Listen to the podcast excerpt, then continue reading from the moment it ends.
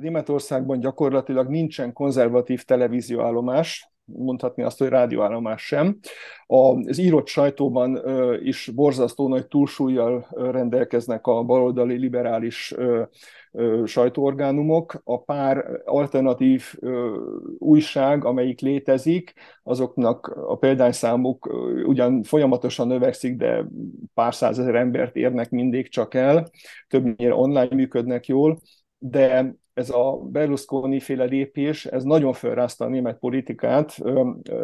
Zöder Bajor miniszterelnök most jelentette ki, hogy a Bajor média hatóság, amelyik fennhatóság alá tartozik ez a cég, nagyon figyeljen oda, hogy mit csinálnak Berlusconiék, mert nem szeretnék azt, hogy befolyást szerezzenek ugye a, a német média világában olyan szempontból, hogy esetleg konzervatív hírekkel megpróbálják ellensúlyozni a nyilvános és állami televízióállomásoknak a híradásait, viszont erre nagyon nagy szükség lenne, mert az egyoldalú tájékoztatás miatt az emberek ugye sajnos egy idő után elhiszik azt, amit minden nap hallanak, és ezért hiszik azt Magyarországról is, hogy ott szörnyű diktatúra van, és bántják a kisebbségeket, amiből persze semmi sem igaz, de hát a német médiafogyasztó sajnos csak azt tudja megenni, amit elébe tálalnak, de egy ilyen konzervatív tévéállomás nagyon jót tenne a kiegyensúlyozott hírszolgáltatások piacán. Üdvözlöm Önöket, ez a Hetek Originals mai adása, és vendégem Münchenből Vidákos, újságíró. Üdvözlöm, köszönöm, hogy fogadja a hívásunkat. Én is nagyon szépen köszönöm a lehetőséget, és üdvözlöm a kedves nézőket, hallgatókat. Ugye a hallgatóink ismerik már videórat, mert korábban a BlackRock nemzetközi óriás cégről, befektetési cégről beszélgettünk több alkalommal, és ezeknek az adásoknak, nagyon izgalmas adásoknak a leírását az videónk alatti leírásban megtalálhatják. Mai témánk viszont Németország lesz, és ezzel kapcsolatban videónak jelent meg egy cikk sorozata korábban is, és újabb részekkel a Magyar Nemzetben. Ezeknek a cikkeknek is a elérhetőségét a leírás megtalálhatjuk. De hadd kérdezem először Németországgal kapcsolatban az, hogy pár napja ért véget a Katari világbajnokság, amit sokan a történelem egyik legsikeresebb sportrendezvényének tartanak, de hogyan reagált a német közvélemény erre? Ugye föl, sikerült már földolgozni a csúfas szereplést, vagy még mindig savanyú azért a szőlő? Hát itt nagyon savanyú a szőlő, mert sokkot kaptak, mert ugyanúgy, mint ö, legutóbb Moszkvában, most is kiestek az első csoportmérkőzések során. A Hansi Flick az megmaradt edzőnek, de az Oliver Bierhoff, aki a csapat ügyvezetője volt, azt a DFB már ki is rúgta, Mindezeknek a tetejére Manuel Neuer a kapus, ugye a csapatkapitánya sielésnél eltörte a lábát, úgyhogy most hónapokig kiesik, és valaki más lesz a kapitány, tehát lehet, hogy az ő napjai is, mint csapatkapitány meg vannak számlálva. A mai beszélgetésünknek az apropója eredetileg az, hogy egy éves, kicsit több mint egy éves az Olaf Scholz kormány. Hogyan látják Németországban a koalíciónak ezt a 12 havi teljesítményét, az elmúlt időszakot?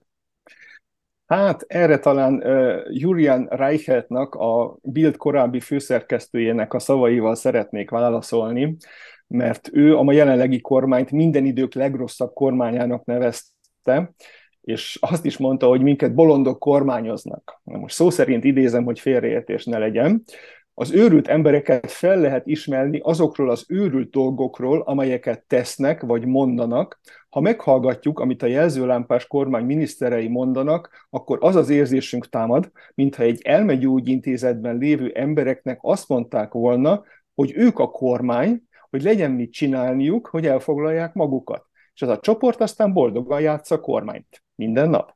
Most hát ennél frappásában nem lehet megmondani, hogy milyen a mai német politikai vezetés, de ezek, mint mondottam, Julian Reichelt szavai, úgyhogy senki se kövessen meg engem érte őket.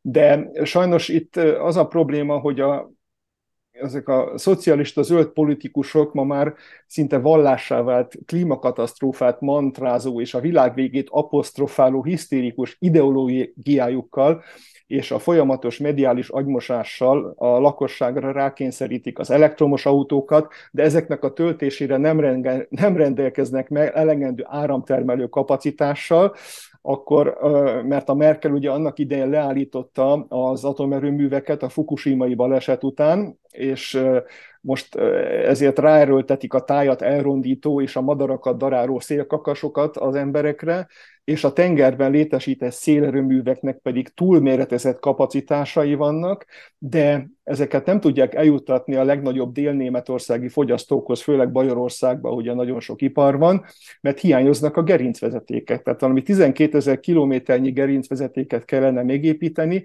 most ebből körülbelül 2000 kilométer van készen, de olyan nagy a lakossági ellenállás, senki nem akar ugye nagy feszültségi áramot hordozó oszlopok és vezetékek alatt lakni, mert ugye azért az elektroszmog befolyásolja az emberek életét is, és a teheneket is, például itt Bajorországban voltak emiatt problémák, hogy a tehenek egyszerűen kevesebbet tejeltek, mert közelükben voltak nagy feszültségű áram továbbító vezetékek, és ugye a legnagyobb probléma ezekben az, hogy a tengeri erőműveknél ott a rendelkezésre állásért milliókat kell fizetni az üzemeltetőknek úgy, hogy az áramot nem is tudják felhasználni. Tehát ez egy, ez egy vicc az egész szegény tehenek mondhatnánk azt, mert rájuk jár mostanában a rúd. Ugye Új-Zélandon, meg másutt az üvegházhatásért teszik őket felelőssé, ezek szerint Németországban pedig a zöld politikának lettek részben az áldozatai. De akkor azt mondhatjuk... Majd kitalálják rá, hogy a tehenekre is katalizátort kell kötni előbb-utóbb. Szerintem az lesz a legjobb zöld megoldás. Akár ez is előfordulhat. Ma, ma már minden elképzelhető. De hogyha egy összességében nézzük, akkor azt lehet mondani ezért, elsőbb a gazdasági kritikák fogalmazódnak meg a Scholz kormányjal szemben? Hát erre csak azt lehet mondani, hogy Németország korábban ugye Európa leggazdas, legerősebb gazdasága volt, talán még ma is az, de már nem exportvilágbajnok, már legalább 5-6 éve nem az, és az elmúlt fél év alatt a Scholz, bocsánat, az elmúlt év alatt a Scholz kormány már annyira leamortizálta az egész német gazdaságot, hogy a német kereskedelmi mérleg a 2020 évi 180 milliárd eurós többletből ez év júniusára mínusz 1 millió eurós negatívba csapott át, majd októberben újra elérték a 5 milliárd eurónyi pluszt, de hát ez azért édeskevés ahhoz képest, hogy korábban mi volt, és a német gazdasági exportkóta 2020-ban a GDP 43,8%-át eredményezte, ez Magyarországon 79,7%, és Németország a világkereskedelem exportjának 7,8%-át és az import 6,6%-át jelentette 2020-ban, tehát egy nagyon jelentős, nagyon nagy gazdaság, de sajnos ez egyre inkább épül lefelé, és a bruttó nemzeti össztermék a koronakízis első évében mínusz 4,8%-kal csökkent is.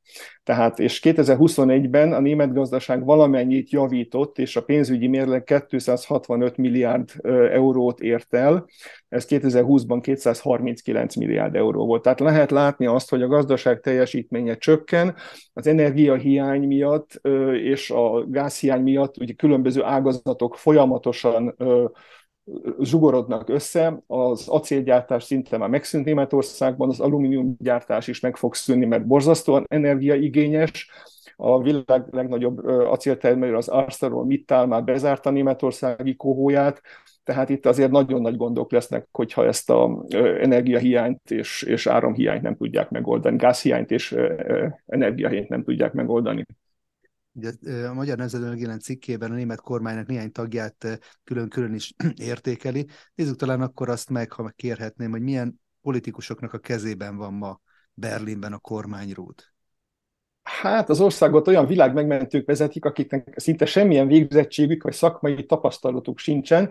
Legtöbben félbe, félbeszakított egyetemi tanulmányaikkal rendelkeznek csak, és munkahelyet inkább a politikai pályát választották. De hát menjünk végig egy pár miniszteren, például Robert Habeck, aki a gazdasági miniszter, főfoglalkozásban mesekönyvíró, és ő a Marcipán fővárosában, Lübeckben született, de ő neki legalább van bölcsész egyetemi diplomája, és a Hamburgi Egyetemen promovált, tehát ő doktor Philnek számít, de ezzel nagyon kilóg a sorból, mert a többiek e-, ettől nagyon messzire vannak. Viszont hogy ilyen jó előfeltételekkel irányítja a német gazdaságot, ugye, ezzel a falnak, a szakértelmét egy dolog nagyon jó jellemzi, amit ő mondott, és az nagyon szállóigévé vált, hogy azok a pékségek, amelyek a hajmeresztő energiaárak miatt bezárni kényszerülnek, szerinte nem csődbe mentek, hanem csak abba hagyják az árusítást. Na most hát ilyen ö, szakértelemmel gazdasági miniszternek lenni, az azért nagyon merész dolog, és még azt is mondta, hogy Németországban nem egy meleg és ellátási problémánk van, hanem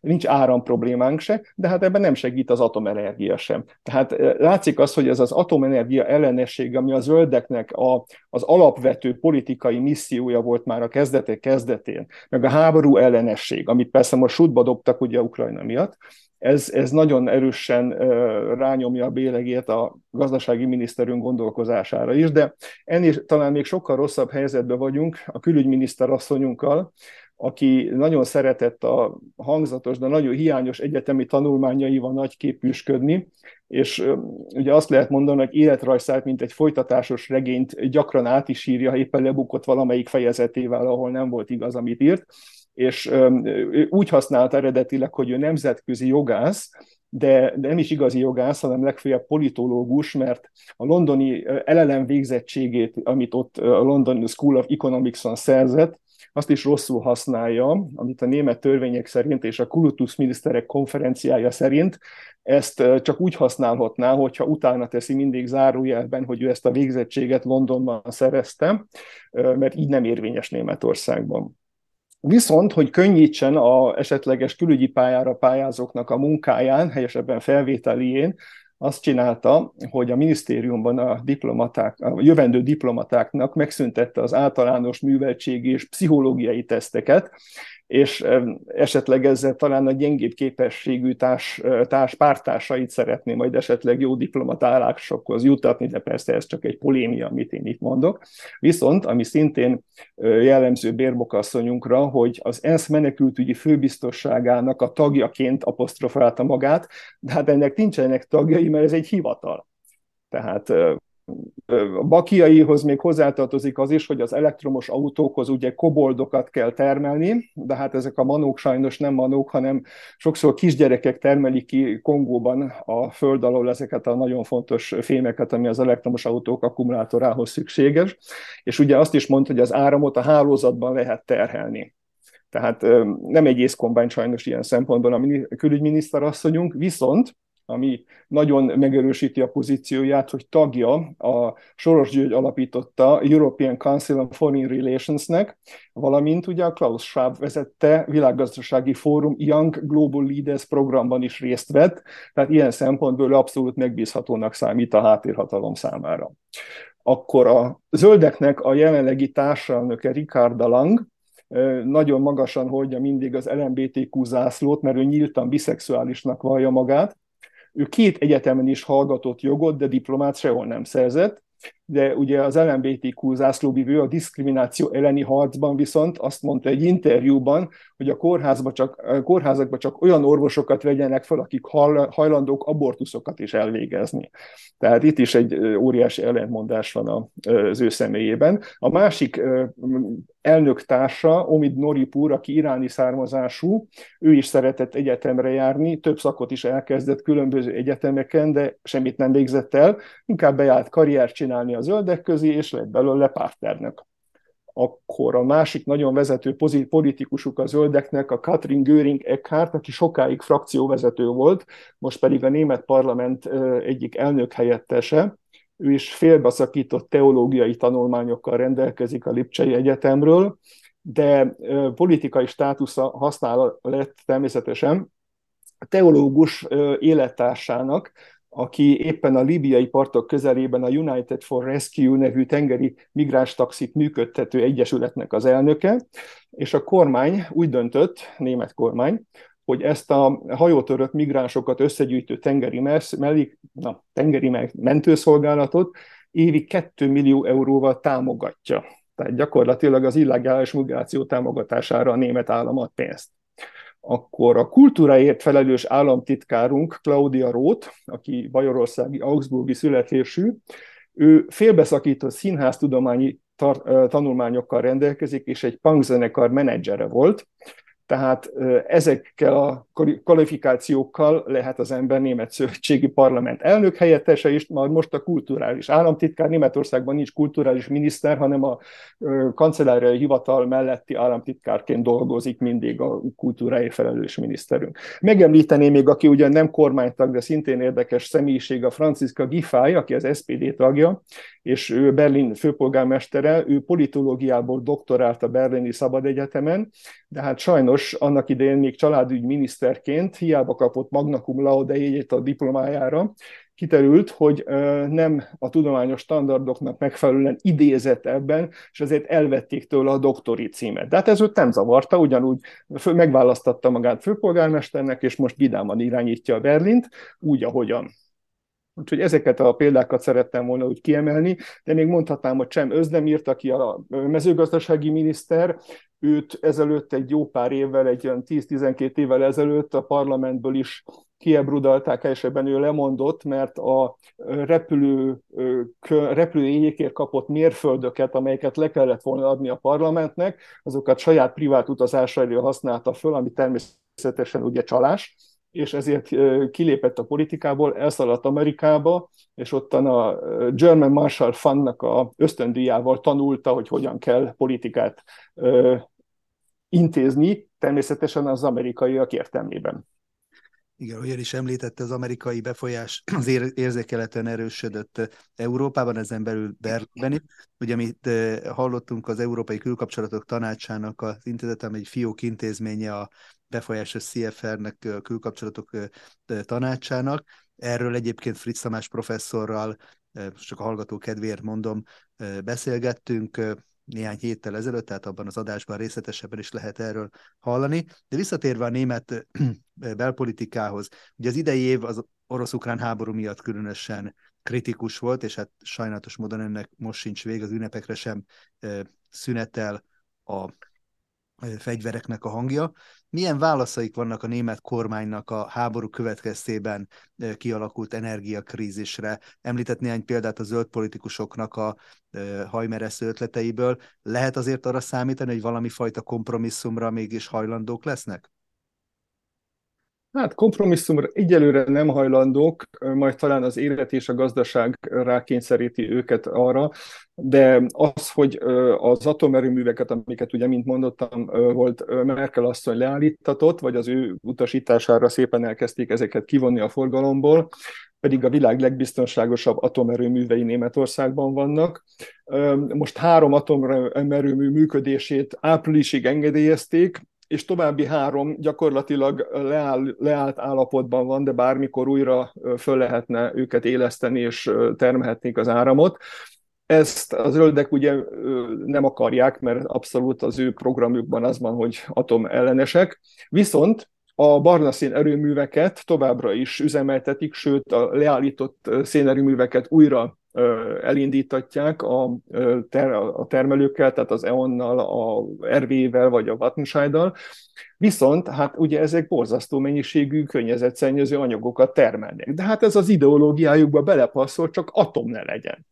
Na most az egésznek az a rákfenéje, hogy a német kormány nagyon nagy mértékben támogatja az elektromos autók vásárlását, eddig 9000 eurónyi támogatást lehetett összesen kapni, most ezt valamivel lecsökkentették, most körülbelül 6000 eurónyi támogatást kap mindenki, hogyha elektromos autót vásároz, vásárol. Viszont az elektromos autók töltéséhez kellenek töltőállomások is. Na most ebből százezreket kellene telepíteni mindenhová, de hát a települések vezetékhálózata nem fogja bírni az áramfelvételt. Tehát ott is rengeteg beruházásra van szükség.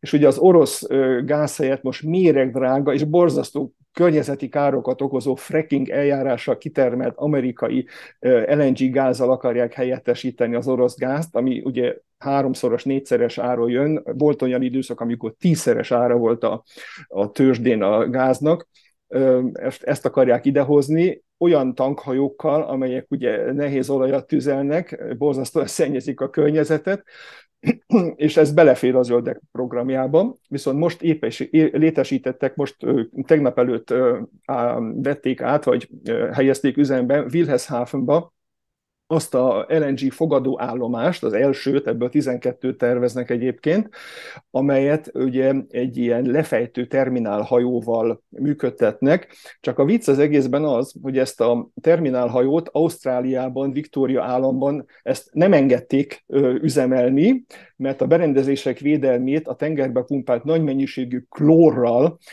kívánták megoldani, ami ugye borzasztóan káros az élővilágra, ott megöli az összes halat, korálokat, mindent, ami ott van. De ezt a hajót idehozták Németországba, és büszkén most üzembe helyezik, fél év alatt megépítették ezt a terminált. Na most a másik vicc az, hogy az atomerőművek leállításáért a német kormány milliárdokat fizetett az RVE-nek például, a RV pedig ezt a pénzt nem itthon fekteti be Németországban, hanem 6,8 milliárd dollári megvásárolta az USA legnagyobb nap és szélerőmű vállalkozását, a Con Edison Clean Energy Business. Tehát azt jelenti, hogy inkább oda mennek és ott fektetnek be pénzt, mint Németországban, mert úgy gondolják, hogy a jövőben ott jobb lesz a, hely, a dolguk. És hát azt lehet mondani, hogy a zöldek kompromisszum nélkül megvalósítják az EU-nak a Green Deal programját, és ehhez hozzátartozik az is persze például, hogy csökkentik a műtrágya felhasználást, a termérterületeket, stb. Tehát ez nagyon messze menő ez az egész kérdés, hogy a zöldek hogyan viszonyulnak itt az egész gazdasághoz. Ebből is az látszik azért, amit sokan megfogalmaznak, hogy ennek a háborúnak elsősorban az Egyesült Államok, vagy az Egyesült Államokban meghatározó szerepet játszó konglomerátumok, pénzügyi, gazdasági, hadipari konglomerátumok a nyertesei. Ő még az év elején írt egy cikksorozatot a német korrupciós helyzetről, politikai korrupciós helyzetről. És ugye azt látjuk, hogy a napokban, az elmúlt hetekben tört ki a brüsszeli Katargét, de azért Berlinből is előszeretettel mutogatnak Magyarországra, hogyan is írja, hogy a jogállamiság, korrupció, diktatúra és hasonló nem túl hízelgő szavakat mormolva. Nézzük meg talán ebből a szempontból a német mérleget kezdjük a jogállamisággal. Mennyire függetlenek például a német igazságszolgáltatásnak a szereplői? Hát ez egy nagyon jó kérdés. Erre talán egy idézettel, helyesebben egy törvénycikkelyel válaszolnék a legjobban, mert a német igazságszolgáltatás felépítését és működését szabályozó törvény a GVG, tehát a Gerichtsverfassungsgesetz, amit úgy lehetne fordítani, hogy bírósági alkotmánytörvény, 146. cikkeje így szól az államügyészség hivatalnokai kötelesek feletteseik szolgálati utasítást teljesíteni.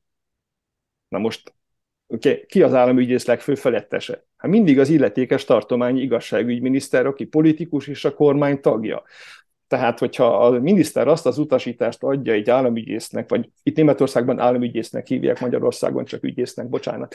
Tehát az ügyészeknek azt mondja a miniszter, hogy most egy ügyben ne, ne nyomozzanak tovább, vagy állítsanak le egy eljárást, akkor ez egy politikai akarat, tehát lőttek az igazságügy függetlenségének, és ezért ugye Németországban nagyon ritka az, hogy egy politikus bíróság elé állítanak, mert még a vádemelés előtt el lehet sikálni az ügyeket. Tehát ahol nincsen vádot, nincs ítélet, mondja egy német mondás. A közvetlen politikai befolyásolásnak az igazságszolgáltatás hierarchiára gyakorolt hatását még nagyon jó példa a bajor bírók és ügyészek kinevezéséről szóró törvény 12. cikkeje, amelyben most egy felsorolás lesz, de fontos, a tartományi legfelsőbb bíróság, az ítélőtáblák, a közigazgatási törvényszék, a tartományi szociális bíróságok, a tartományi munkaügyi bíróságok és pénzügyi bíróságok elnökeinek, valamint főügyészek kinevezését a kormány hatá- a kinevezése a kormány hatáskörébe tartozik. Magyarul Németországban az igazságszolgáltatás politikai irányítás alatt van. Na most Vera Jurova asszony ezügyben még tudomásom szerint nem nyomozott. És a egészben az az érdekes, hogy az Európai Unió bírósága egy határozatában kimondta, hogy a német ügyészségek nem jogosultak európai elfogató parancs kibocsátására, mert nem függetlenek. Most a luxemburgi bíróság ítélete szerint Németországban, idézem, nincs meg a megfelelő biztosíték a végrehajtó hatalommal szembeni függetlenségükre. Tehát a Németországban hatályos törvények miatt nem lehet kizárni, hogy adott esetben az európai elfogató parancsot tartomány igazságügyi miniszteri utasításra állítanak ki, állt ennek az ítéletnek az indoklásában. Na most tehát azért ez egy elég kemény dolog ahhoz képest, hogy Magyarországot mivel vádolják, vagy Lengyelországban is a jogállamiságot a bírói kinevezésekkel, vagy a bírói nyugdíjtatásokkal kapcsolatban ugye kritizálják. Hát ezek azért nagyon kemény dolgok. Ugye a koronavírus járvány alatt, tehát már a háborút megelőzően is számos korrupciós ügy merült föl Németországban. Említen esetleg ezekre néhány példát? Um, hát akkoriban ugye mindenki pánikban volt, mindenképpen szükség volt maszkokra, és, és mindenki, akinek kapcsolatai voltak, próbáltak maszkokat beszerezni de hát ugye a kormánypárti politikusok, például Bajorországban is, CSU politikusok nagyon tevékenyen részt vettek ebben. Egy Georg Nüsslein nevű CSU-s képviselőnek voltak korrupciógyanús ügyletei, itt 600 ezer eurós jutalékot vágott zsebre, de a legnagyobb ö, hal az, az Alfred Zauter ügye volt, a korábbi bajor igazságügyi miniszter, aki most ügyvédként tevékenykedik, és ő 1,2 milliós számlát állított valakinek, Na most a Müncheni ítélőtábla viszont azzal az indokkal mentette fel őket, és utalta vissza nekik a lefoglalt pénzeket, hogy nem történt korrupció, mert az ide vonatkozó megvesztegetési paragrafus, ami a német STGB büntetőtörvénykönyv 108.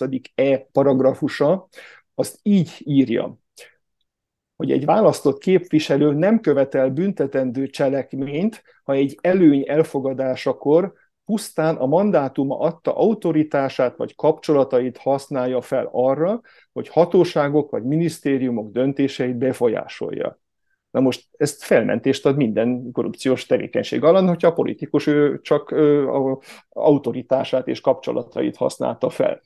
Na most persze erre hozzá kell tenni azt, hogy most nem mentségként mondom, egyébként senkit nem ítéltek el tudomásom szerint ezek, ezekben az ügyekben, az autert is fölmentették, Persze nem lehet azt sem kizárni, és ez csak egy feltételezés, hogy az Auter urat olyan bírók mentették föl, akiket esetleg ő nevezett ki annak idején igazságügyminiszterként. Tehát itt olyan erős az összefonódás Magyarországban, a Németország többi részén is, hogy aki bíró akar lenni, aki annak korábban államügyészként kell dolgozni, akkor dolgozik egy pár évig államügyészként, akkor megint visszamegy bírónak, tehát nagyon nagy az átjárás, ami Magyarországon lehetséges, de nem szokás szokásos. Ugye ez a fajta forgató, vagy forgóajtó rendszer, amit a korábbi beszélgetésünkben a BlackRock kapcsán is említett, hogy gazdasági óriásvállalatok és kormányzati pozíciók közt van egy ilyen cserélődés, és valóban ez, ez az Egyesült Államokban is, és ezek szerint akkor Németországban is jellemző. Most ugye beszéltünk német, a német kormány minisztereiről, de akkor talán nézzük meg a miniszterelnököt, Olaf Scholzot vele kapcsolatban mi a helyzet. Ő akár a jelenlegi tevékenység, vagy a korábbi politikai előélete alapján hogyan értékelhető? Um, hát Olaf Scholz kancellár.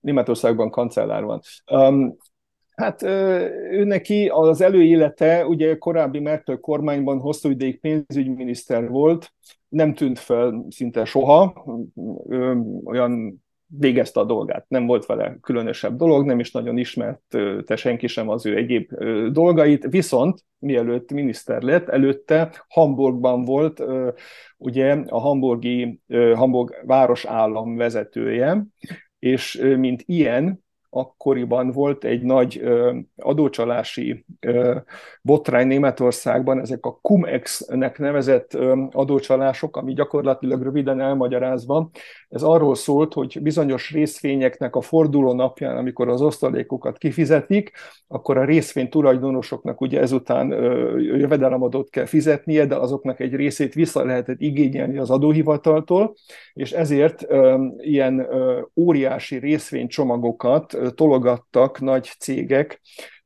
a, egymás között ezen az egy napon, hogy vissza tudják igényelni a soha be nem fizetett adójukat az adóhivataltól. Na most ez pont akkor volt, mikor Scholz Hamburg első főpolgármestere volt, és többek között ugye az egyik legismertebb és legrégebbi hamburgi bank, a Warburg Bank volt egy ö, ö, olyan helyzetben, hogy ők 47 milliós adótartozást ö, szá, gyűjtöttek össze, és ezt nem nagyon szívesen adták vissza, és ezért a Scholzot annak idején elővették, hogy hogy létezik az, hogy hagyták elévülni a követelést, mert utasította valószínűleg akkoriban a Csencser nevű pénzügyminisztert, aki most Hamburg főpolgármestere, és a szenátus vezetője, és ebből a botrányból kifolyólag volt egy parlamenti vizsgálóbizottság is Hamburgban, de Scholz nem emlékezett arra, hogy találkozott volna a Olenius nevű bankár társtulajdonossal a Warburg Banktól, akkor utána, amikor már megírták, hogy igen, viszont az Olenius naplójában megtalálták, hogy hát háromszor is találkoztak, akkor azt mondta, ja igen, tényleg lehet, hogy találkoztunk.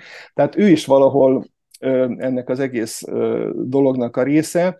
Soha nem helyezték vád alá, nem vádolták korrupcióval, tehát közvetlenül ő egyáltalán nem vádolható ilyen dolgokkal, csak hát ugye ha az államot károsítjuk, és az állam adóját vissza akarjuk adni valakinek, aki be sem fizette, az azért nem egy olyan szép dolog, tehát ez egy szomorú dolog, viszont a hamburgi államügyészséget ugye leállították, államügyészségen az összes eljárás leállították Scholz és Csencser ellen, utána a Kölni államügyészség meg sokáig nyomozott, de pont a napokban azoknak a nyomozásait is leállították, tehát gyakorlatilag Scholz ebben a cumex és üzletben most már teljesen fehér mellényen rendelkezik, egy-két pötty azért van rajta.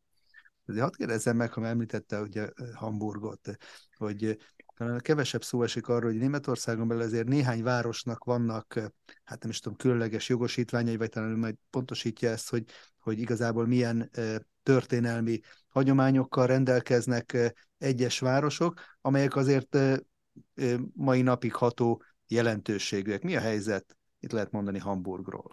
Hát különleges jogosítványai nincsenek a városnak, de ugye régen volt a Hanzavárosok Szövetség, amiben beletartozott Bréma is, az is egy német városállam, vagy Riga is, még, még egy jó pár a, a keleti tenger menti nagyváros, és, de ugyanúgy városállam Berlin is természetesen. Hát különleges kiváltságok nincsenek, de mivel Európa egyik legnagyobb kikötővárosa, ezért mindig gazdag kereskedők és hajóflotta tulajdonosok és bankárok irányították a várost, akik szoros kapcsolatot ápoltak a politikával is és azt se felejtsük el, hogy Hamburgban ugye nagyon fontos szerepet játszottak a szabadköművesek is, a mai napig is, és a legnagyobb hamburgi nagypáholy, szabadkönyves nagypáholy alapításának 300. évfordulóján, amelyiket 2017. május 8-án tartottak a hamburgi tanácsháza dísztermében, és ott a díszbeszédet a Német Szövetségi Parlament akkori elnöke Norbert Lammert tartotta, de természetesen Olaf Scholz is felszólalt ott. Na most a másik, ugye a bankárokat illetően pedig, hát a nagyon, előbb említett nagyon fontos Warburg bank és a Warburg család, ők valóban a háttérhatalom részeinek lehet őket tekinteni, mert az egyik Warburg sarjuk, a Paul Warburg volt az, aki 2013-ban az USA jegybankának, a Federal Reserve alapításának is egy nagyon fontos szereplője volt, majd pedig, és ez is egy érdekes történet, erről sem nagyon tudni, 1921-ben ő alapította az, Euró, az Amerikai Egyesült Államok külkapcsolatok tanácsát és a Council on Foreign Relations, amelyiknek 32-ig ő volt az igazgatója. Na most a Másik érdekes családtag Max Moritz Warburg, aki pedig a Kudelfov Kalergi alapította Pán-Európai Unió legfőbb mecénása volt annak idején. Tehát itt olyan összefonódások vannak a hamburgi bankárcsaládok és a szabadkönyvesek között is, hogy ezt azért nem szabad elfelejteni, hogy Hamburgról beszélünk, mert egy nagyon fontos gazdasági központ, és hát ugye a bankvilág az uralja manapság már az egész világot. Igen, nagyon érdekes, ahogy említi, hogy milyen európai hamburgi gyökere van a külkapcsolatok tanácsának, ami aztán ugye Egyesült Államokban jött létre, de viszont létrejött egy európai alágazata, amelynek a befolyásos politikusai bekerültek a német kormányba, tehát itt azért minden összeér, És ebből a szempontból, ha megnézzük, hogy amerikai háttérszervezetek vagy befolyásos lobbycsoportoknak milyen kimutatható hatása, befolyása van a német politikára, kormánypolitikára? Hát természetesen a második világháború után amerikai megszállt területen ugye amerikaiak nagyon nagy befolyást szereztek, ugye a többi az angol, francia és az orosz területeken is voltak természetesen összefonódások utána a későbbi politikai résztvevőkkel, de most maradjunk csak az amerikaiaknál, hát a mai leg, leg, legfontosabb lobbycsoportok, amelyik amerikai érdekeket képviselnek, az az Atlantic Brücke, tehát az Atlanti híd, amelynek a CDU mai elnöke Friedrich Merz volt sokáig az elnöke, majd őt Zigmar Gabriel, a korábbi SPD-s német külügyminiszter követte ebben a pozícióban, de a, ugye a előbb említett Merkel asszony is a világgazdasági fórumnak volt 1993-ban, ha jól emlékszem, a Young Global Leaders programjának volt a résztvevője, pár évvel ezelőtt meg a Annalena Baerbock, a mostani külügyminiszter, az is a Young Global Leaders programot abszolválta akkor, amit említettem, a Cem Özdemir, a mostani mezőgazdasági miniszter, a German Marshall Fund-nak a ösztöndiával tanult Amerikában. Tehát akkor még volt hadügyminiszterünk, a Gutenberg, aki szintén miután lebukott, hogy a diplomamunkáját úgy készítette el, hogy nem tartotta be az idézeti előírásokat, és emiatt elvették a doktor címét is, és lemondott a hadügyminiszter állásáról, ő is elmenekült Amerikába, és ott tanult és vett részt különböző újabb szervezetekben. Most megint megjelent egy tévéműsorban itt Németországban, de sajnos megint nem sikerült a szereplése Thomas Gottschalk műsorában, mert utána nagyon negatív sajtót kapott. Minden lényeg az egészben, hogy az a német politikusoknak nagyon szoros a kapcsolatuk az amerikai ö, lobby szervezetekkel, és ö, amerikai érdekeket képviselnek többnyire. És mi a helyzet a német médiával? Ugye sokszor lehet azt hallani, hogy azért nagyon egy, egyfajta hangon beszélnek a német médiumok, legyen az elektronikus vagy nyomtatott sajtó. De várható ebben valami fajta színesedés, esetleg új tulajdonosoknak a bekapcsolódásával? Hát a kérdés az nagyon jogos, mert az új tulajdonos az egy nagyon régi szereplője a média világnak, mégpedig Silvio Berlusconi, aki most jelentette be, és ebben az ő vállalata, a Media for Europe MFE, most jelentette be, hogy a Pro 7 részvénytársaságnak megszerezték a döntő többségét, ami azt jelenti, hogy több mint 29,9%-ot, mert ez után már felajánlhatják a többi részvénytulajdonosnak, hogy megveszik a részvényeiket. Egyes források szerint már különböző strómanokon keresztül már több mint 50%-ot föl is vásároltak a részvényekből. Most ez azért nagyon fontos, mert Németországban gyakorlatilag nincsen konzervatív televízióállomás, mondhatni azt, hogy rádióállomás sem. Az írott sajtóban is borzasztó nagy túlsúlyjal rendelkeznek a baloldali liberális sajtóorgánumok. A pár alternatív újság, amelyik létezik, azoknak a példányszámuk ugyan folyamatosan növekszik, de pár százezer embert érnek mindig csak el, többnyire online működnek jól, de ez a Berlusconi féle lépés, ez nagyon felrázta a német politikát. Zöder Bajor miniszterelnök most jelentette ki, hogy a Bajor média hatóság, amelyik fennhatóság alá tartozik ez a cég, nagyon figyeljen oda, hogy mit csinálnak Berlusconiék, mert nem szeretnék azt, hogy befolyást szerezzenek ugye a, a német média világában olyan szempontból, hogy esetleg konzervatív hírekkel megpróbálják ellensúlyozni a nyilvános és állami televízióállomásoknak a híradásait, viszont erre nagyon nagy szükség lenne, mert az egyoldalú tájékoztatás miatt az emberek ugye sajnos egy idő után elhiszik azt, amit minden nap hallanak, és ezért hiszik azt Magyarországról is, hogy ott szörnyű diktatúra van, és bántják a kisebbségeket, amiből persze semmi sem igaz, de hát a német médiafogyasztó sajnos csak azt tudja megenni, amit elébe tálalnak, de egy ilyen konzervatív tévéállomás nagyon jót tenne a kiegyensúlyozott hírszolgáltatások piacán. Németországban is. Vidákos újságíróval beszélgetünk Münchenből. Nagyon köszönöm, hogy segített a Németországgal kapcsolatos képet is így színesíteni ezekkel az információkkal. Nagyon békés ünnepeket kívánok önnek, és köszönöm a rendelkezésünkre állást. Remélem, hogy jövőre tudjuk folytatni új témákkal. Nagyon szépen köszönöm mindest a lehetőséget, és én is boldog karácsony kívánok minden kedves nézőnknek. Köszönöm a hallgatóknak is a figyelmet, még jelentkezünk ebben az évben újabb adásokkal, de addig is hogyha nem tették volna, még megkérem, hogy iratkozzanak fel a YouTube csatornánkra, hogyha pedig szeretnék támogatni további újabb podcastjaink elkészülését, akkor a videó alatti köszönet gombbal, tetszés szerinti összeggel támogathatják a munkánkat. Köszönjük ezt is előre, valamint a figyelmüket, és, és akkor a további napokban, tehát újabb adásokkal jelentkezünk, addig is minden jót kívánok, viszont halásra!